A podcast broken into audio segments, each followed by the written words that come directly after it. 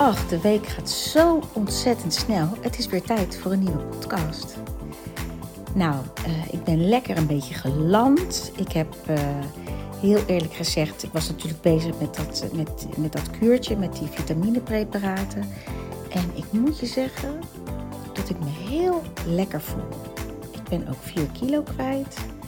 En uh, ik merk wel dat ik me steeds meer lekker terugtrek, een beetje in mijn eigen wereldje trek. En, uh, maar eigenlijk gewoon heel chill, heel goed. Ik voel me rustig. Dus ik ben heel erg blij daarmee. En um, nou, ik heb na, die, uh, na dat laatste huwelijk en uh, ja, is langzaam weer de rust wedergekeerd. En ik ben lekker, weer lekker shows aan het doen. nou ja, we hebben nog ongeveer anderhalve maand. En dan uh, stopt de bodyguard. Dus het is voor mij nu tijd in anderhalve maand om uh, mijn praktijkruimte mooi af te maken. En dat is wel heel erg leuk waar ik dan achter kom. Ik ben natuurlijk altijd bezig als ik uh, met mensen werk. Goh, wat is je toekomstbeeld? Wat is je droom? nou, ik heb jullie al verteld wat het is. En ik heb zelfs mijn toekomsthuis heb ik in klei geboetseerd. En in dat huis heb ik ruimtes waar ik les geef. En ik heb ruimtes waar ik gewoon ben met mijn gezin. En um, ja, dat ik lekker buiten bezig ben. En uh, dat is een heel ver toekomstding.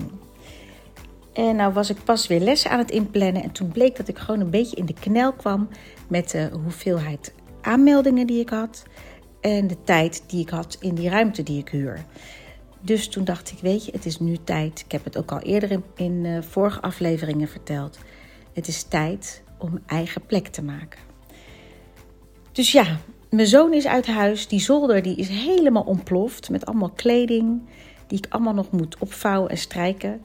En um, nou ja, het is tijd om naar binnen te keren en tijd om deze ruimte waar ik, ja, ik woon hier, maar ik ben ook heel veel bij mijn vriend.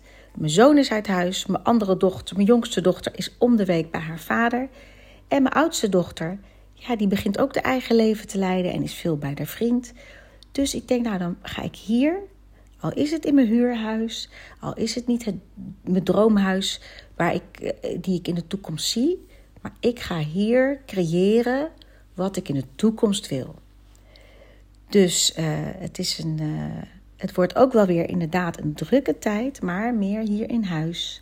En dingen een plek geven. Want het is misschien heel gek, maar ik heb eigenlijk in, sinds ik uit huis ben bij mijn ouders, ben ik 19 keer verhuisd. En ik ben altijd op zoek geweest naar iets beters. En op, of op de vlucht geweest van iets waar ik niet blij van werd. En ik heb nooit ergens echt mijn wortels.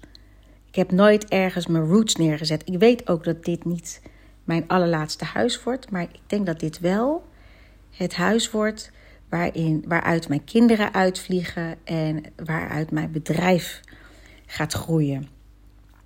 Dus uh, de komende anderhalve maand gaan dus in het teken staan daarvan. En uh, dat vind ik ook wel heel erg leuk om, uh, ja, om dat ook mee te geven aan mijn leerlingen. Je kan natuurlijk altijd maar in de toekomst blijven dromen van dat wil ik. Maar eigenlijk moet je die toekomst naar hier halen. Dus uh, heel gek voorbeeld. Ik denk dan in de toekomst, oh, dan wil ik mooie foto's hangen. En uh, ik heb eigenlijk niks van, wat, van mijn werk of ik heb nergens iets hangen. Omdat ik dan, dat heb ik in dozen. Ik heb geen leuke foto's hangen. Uh, maar ja, dat zijn dingen die ik nu al kan doen. Dus die ga ik nu ook ophangen. dus weet je, als je naar je toekomstbeeld kijkt, bedenk dan wat je nu kan doen al. Want er zijn heel veel dingen die, die, die lijken heel moeilijk en heel ver weg, maar eigenlijk is alles veel dichterbij dan je denkt. En uh, dus daar ben ik nu, in dat proces ben ik nu bezig. En ik was natuurlijk ook uh, bezig met die vitaminepreparaten, wat ik vertelde. En uh, weer een beetje lekkerder in mijn vel en een beetje afvallen. Nou, dat gaat ook hartstikke goed. Ik heb ontzettend veel energie ik ben afgevallen. En het is niet dat ik ontzettend uh, aan een heftig dieet hou. Maar op een of andere manier heb ik ook door die, door, die, uh, ja, door die capsules... heb ik eigenlijk niet echt trek in dingen die niet gezond voor me zijn. Dus ik, ik neem vanzelf maak ik gezondere keuzes. En uh, ja, ik voel me heerlijk. Dus dat was eigenlijk ja, een van de dingen hier in deze podcast. Wat ik wil zeggen, haal je toekomst naar het nu. En dan ga ik ook wat vertellen inderdaad over mijn coaching. Want ik had uh, vanmorgen een meisje aan de telefoon met wie ik uh, heel hard heb gewerkt. En die dus zo'n twintig jaar geleden uh, gestopt was na haar studie met zingen. Omdat ze dacht, ik wil nooit meer zingen. En er was vooral één nummer, daar heb ik al eerder over verteld, wat ze niet durfde te zingen. Als ze daar aan, aan dacht al, kneep haar keel al helemaal dicht. En ze is heel wat anders gaan doen. En wij zijn samen aan de slag gegaan. En het is niet van de een op de andere dag gegaan. Het is echt een proces geweest. Met tussenposes ook. Maar wat zo fijn is aan het proces wat je gaat, is dat je, je, gaat, je, je gaat iets aan. En dan moet je eigenlijk in het leven, in het werkveld, moet je dus, ja, moet je dat eigenlijk, uh, uh, ja, zijn werk laten doen. En dus nu, zij heeft met This Is Me meegedaan en ze heeft dat nummer, waar ze dus niet eens aan moest denken, heeft zij gezongen. En doordat je zo'n proces ingaat, heb je eigenlijk helemaal niet door wat een grote stap je neemt. En ze was eigenlijk alweer bezig van ja, maar het moet nog perfecter en het moet nog beter. Ik zei neem nou even wat stappen terug en kijk eens naar wat je hebt gedaan. dat is eigenlijk hetzelfde als wat ik nu met mijn huis doe. Ik kijk even naar wat ik heb. En als je dan terugkijkt, dan kijk je van wauw, wat heb ik een mooie stap genomen. En dat vind ik zo mooi aan die NLP, als ik nou naar mezelf kijk, is dat ik dus vroeger ontzettende angst had om voor publiek te praten. En uh, als ik bijvoorbeeld een show had, dan, hadden we wel eens een uitkoop met van de postcode, postcode loterij of zo. En dan moest ik dus praten voor publiek. Dan moest, dan moest ik ze een beetje entertainen. Nou, dat durfde ik echt niet. En dat deed ik ook echt niet, want ik vond het eng. En dan denk je van, oké, dat is raar. Als je op toneel staat, waarom vind je het dan eng om te praten? Nou, als je op toneel staat in een musical, dan sta je in een rol. Dan weet je wat je moet doen en dan ben je geregisseerd.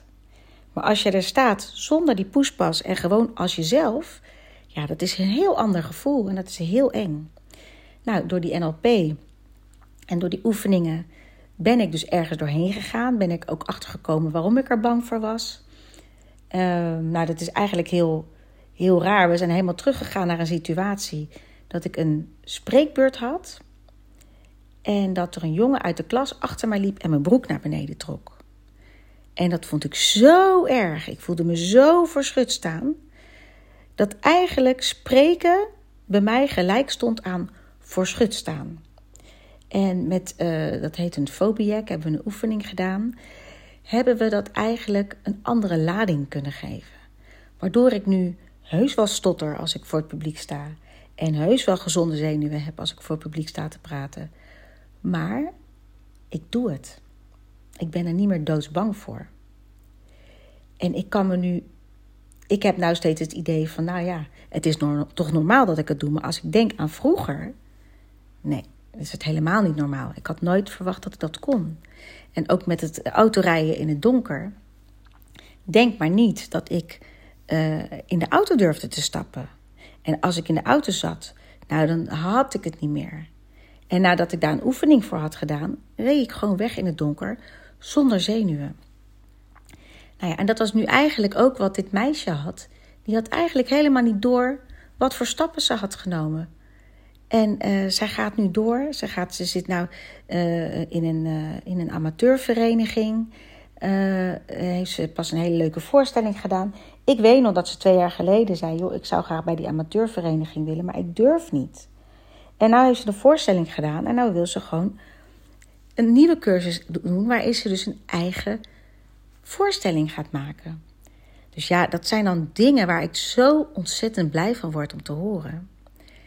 En dat geeft me alleen nog maar meer energie en nog meer motivatie om, om door te gaan als coach. Maar wat ook is als coach, is dat je nu heel veel uh, opleidingen hebt. Heel veel NLP-opleidingen en heel veel coachopleidingen.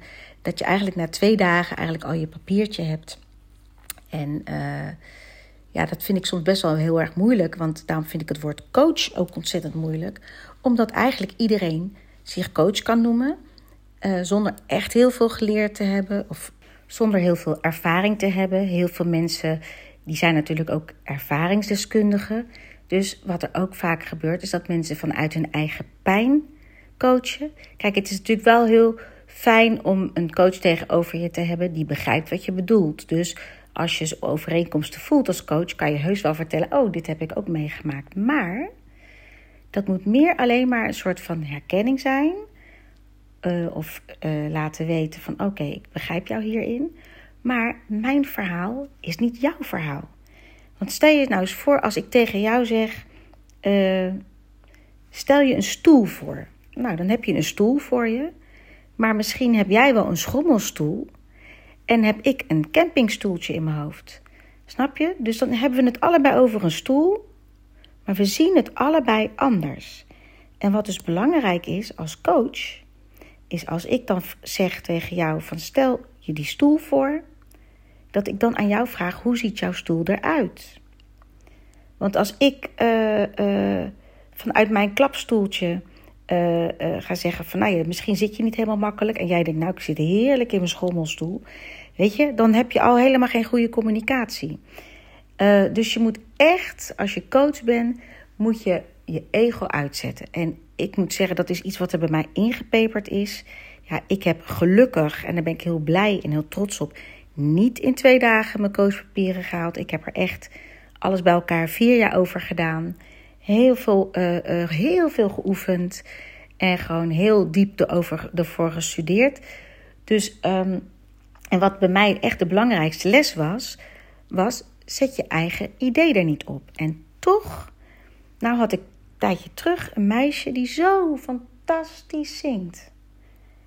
Uh, maar eigenlijk niet de motivatie heeft en niet echt zin heeft. En uh, zij voelt van binnen niet dat ze echt iets wil. En dan ben je toch als zangcoach, denk je, oh ja, maar zij moet dit doen. Want zij kan groot worden. Zij kan echt, zij kan de hoogste hoogtes halen. Zij zingt beter dan wie dan ook ik ook ken. Zij is fantastisch. Ja, en dan gaat het bij mij kriebelen en dan wil ik iemand losfrikken. Maar dat is juist wat je niet moet doen. Want ze wil dat helemaal niet. Ik moet accepteren als coach dat zij dat niet wil. Tenzij ze naar mij toe komt en zegt: Ik wil dit heel graag, maar ik weet niet hoe. Dan kan ik haar helpen. Snap je? Dus je moet als coach niet iemand in een hoek drukken waar diegene helemaal niet heen wil. En vaak met NLP is dat ook wel. Je hebt, je hebt allemaal verschillende uh, mensen die NLP ook natuurlijk gebruiken om te misleiden. En het, het, de uh, basis in de NLP is bijvoorbeeld ook. Het is een heel stom oud voorbeeld. Je kan mensen om de tuin leiden. Bijvoorbeeld, uh, als je naar een film zit te kijken, kunnen ze soms, voordat de pauze komt in de bioscoop, een milliseconde Coca-Cola voorbij laten komen. Dat zie je helemaal niet. En opeens krijg je trek in cola. En dan is het pauze en dan ga je colaatje halen. Weet je, dus je zou dingen kunnen manipuleren, maar dat mag absoluut niet. Je moet het echt gebruiken om nieuwsgierig te zijn in degene die je coacht. En niet te sturen, maar te kijken waar wil jij heen en hoe kan ik jou daarin helpen. Maar ik moet ook echt heel eerlijk zeggen dat ik het bijvoorbeeld bij dat meisje ook best wel ingewikkeld vind. Dat ik het dan los moet laten en moet denken: ja, maar dit is haar pad. Dit is wat zij wil. Zij vraagt aan mij niet of ik haar een wereldster wil maken. Dat kan ik trouwens ook niet hoor. Maar goed, uh, ik kan haar wel. Ja, eh, ik probeer haar dan te motiveren. Maar als zij dat echt niet wil, moet ik dat loslaten. En dat is eigenlijk het allermoeilijkste aan coach zijn dat je soms ook gewoon moet loslaten wat je niet kan veranderen. Want dat zit natuurlijk wel in het aard van het beestje, dat je mensen wil helpen. Maar daarmee leg ik dus eigenlijk mijn gedachten op een ander. Mijn wereldbeeld leg ik op een ander. De stoel die ik zie, leg ik op aan haar, terwijl zij een hele andere stoel ziet. Dus dat, uh, dat vond ik wel heel grappig. Dat had ik dus eigenlijk met datzelfde meisje waar ik het net over sprak, had ik het erover. Van ja, leuk dat ik als coach bepaalde dingen wil. Maar als, als iemand dat gewoon niet wil, moet ik dat loslaten. Maar ik vind ook als coach het heel belangrijk, net als bij haar, om wel te laten zien van kijk eens naar de stappen die je hebt genomen. Al zie je ze niet, kijk eens waar je tien jaar geleden stond en kijk eens waar je nu staat. En ik heb echt wel een paar studenten waarvan ik denk, zo, die hebben een paar stappen genomen en ze zien het zelf nu niet. En het allermooiste vind ik, als ik dan op een gegeven moment kan zeggen, ik laat je los. Vlieg maar uit. Je hebt mij niet meer nodig. En dat, is, dat doet ook pijn, net als dat je je kinderen uitvliegen. Maar het is eigenlijk het allermooiste wat er is. Dan, ja, dan heb ik eigenlijk bereikt wat ik wilde. Dus dat ga ik nu ook. Dit huis, dit huis wordt het huis, de basis waaruit mijn kinderen wegvliegen. Maar dit wordt ook de basis waaruit mijn leerlingen en de mensen die, waar ik mee ga werken wegvliegen. Dus de komende tijd, uh, ik heb uh, begin september wat lessen die ik dan in mijn nieuwe ruimte op zolder ga geven. De eerste nog in uh, Scheveningen. En dan ga ik daarna ga ik de kick-off doen. Dan ga ik dat, die, die, ja, die online, dat in, online programma wat ik heb gemaakt, die 21 dagen, ga ik de kick-off live doen. En dat houdt in dat ik dus vier workshops bij mij thuis geef. En in die vier workshops gaan wij dus een paar opdrachten doen van die kick-off. En dan ga je weer naar huis en dan gaan de mensen gaan dat gewoon uh, uh, zeg maar in het werkveld en in, in de, gaan zij dat gewoon integreren. Dan houden we online contact. En als we dat hebben gedaan, dan komen we weer samen. Nou, dat wordt een heel gaaf proces. Ik heb daar zo ontzettend veel zin in. En ik was dus op zoek naar allemaal mooie ruimtes en naar allemaal mooie locaties. Maar ik merk dat als ik gewoon vanuit mijn eigen plek, uh, waar ik me thuis voel, waar ik op mijn blote voetjes rond kan lopen, uh, waar ik mijn eigen muziek kan draaien, mijn eigen koffie, mijn eigen thee, mijn eigen ruimtetje. Ik merk dat ik vanuit deze plek eigenlijk het allerbeste coach. En het is ook wel spannend, want je denkt, ja, wie haal je in je huis? Weet je, wie haal je in je privé?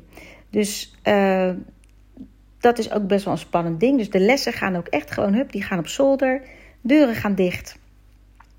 En uh, ja, mensen gaan hup, direct meteen naar zolder. En dan, uh, nou, ook weer weg. En ja, de workshops, die worden toch wel iets uitgebreider. En dat is met eten en uh, gezellig thuis zijn en vanuit huis iets laten groeien.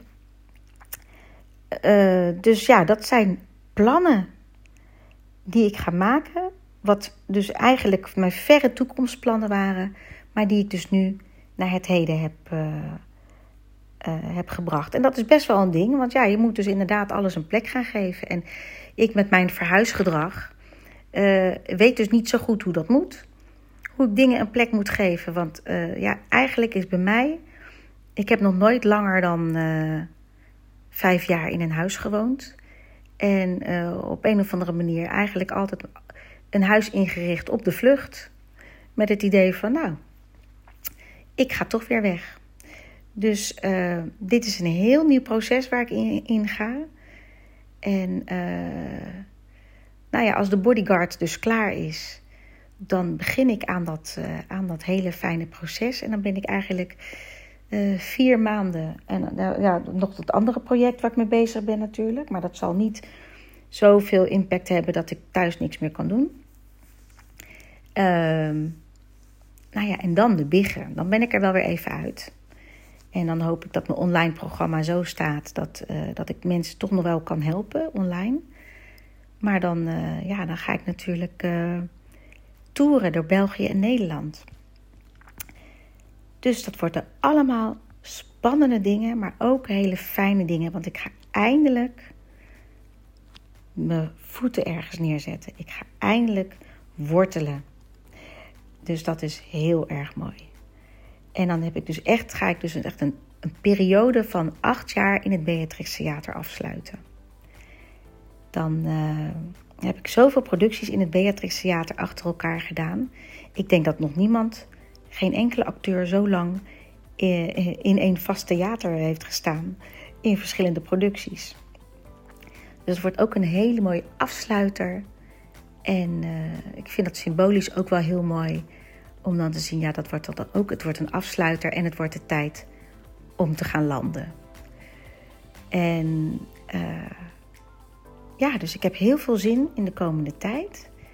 En uh, volgende week horen jullie hoe ver ik ben met mijn zolder, met mijn praktijkruimte. Nou, nu voor jullie beeldvorming uh, is het een zolder met een paar dozen. En overal liggen er gewoon een berg kleren die ik uit moet zoeken.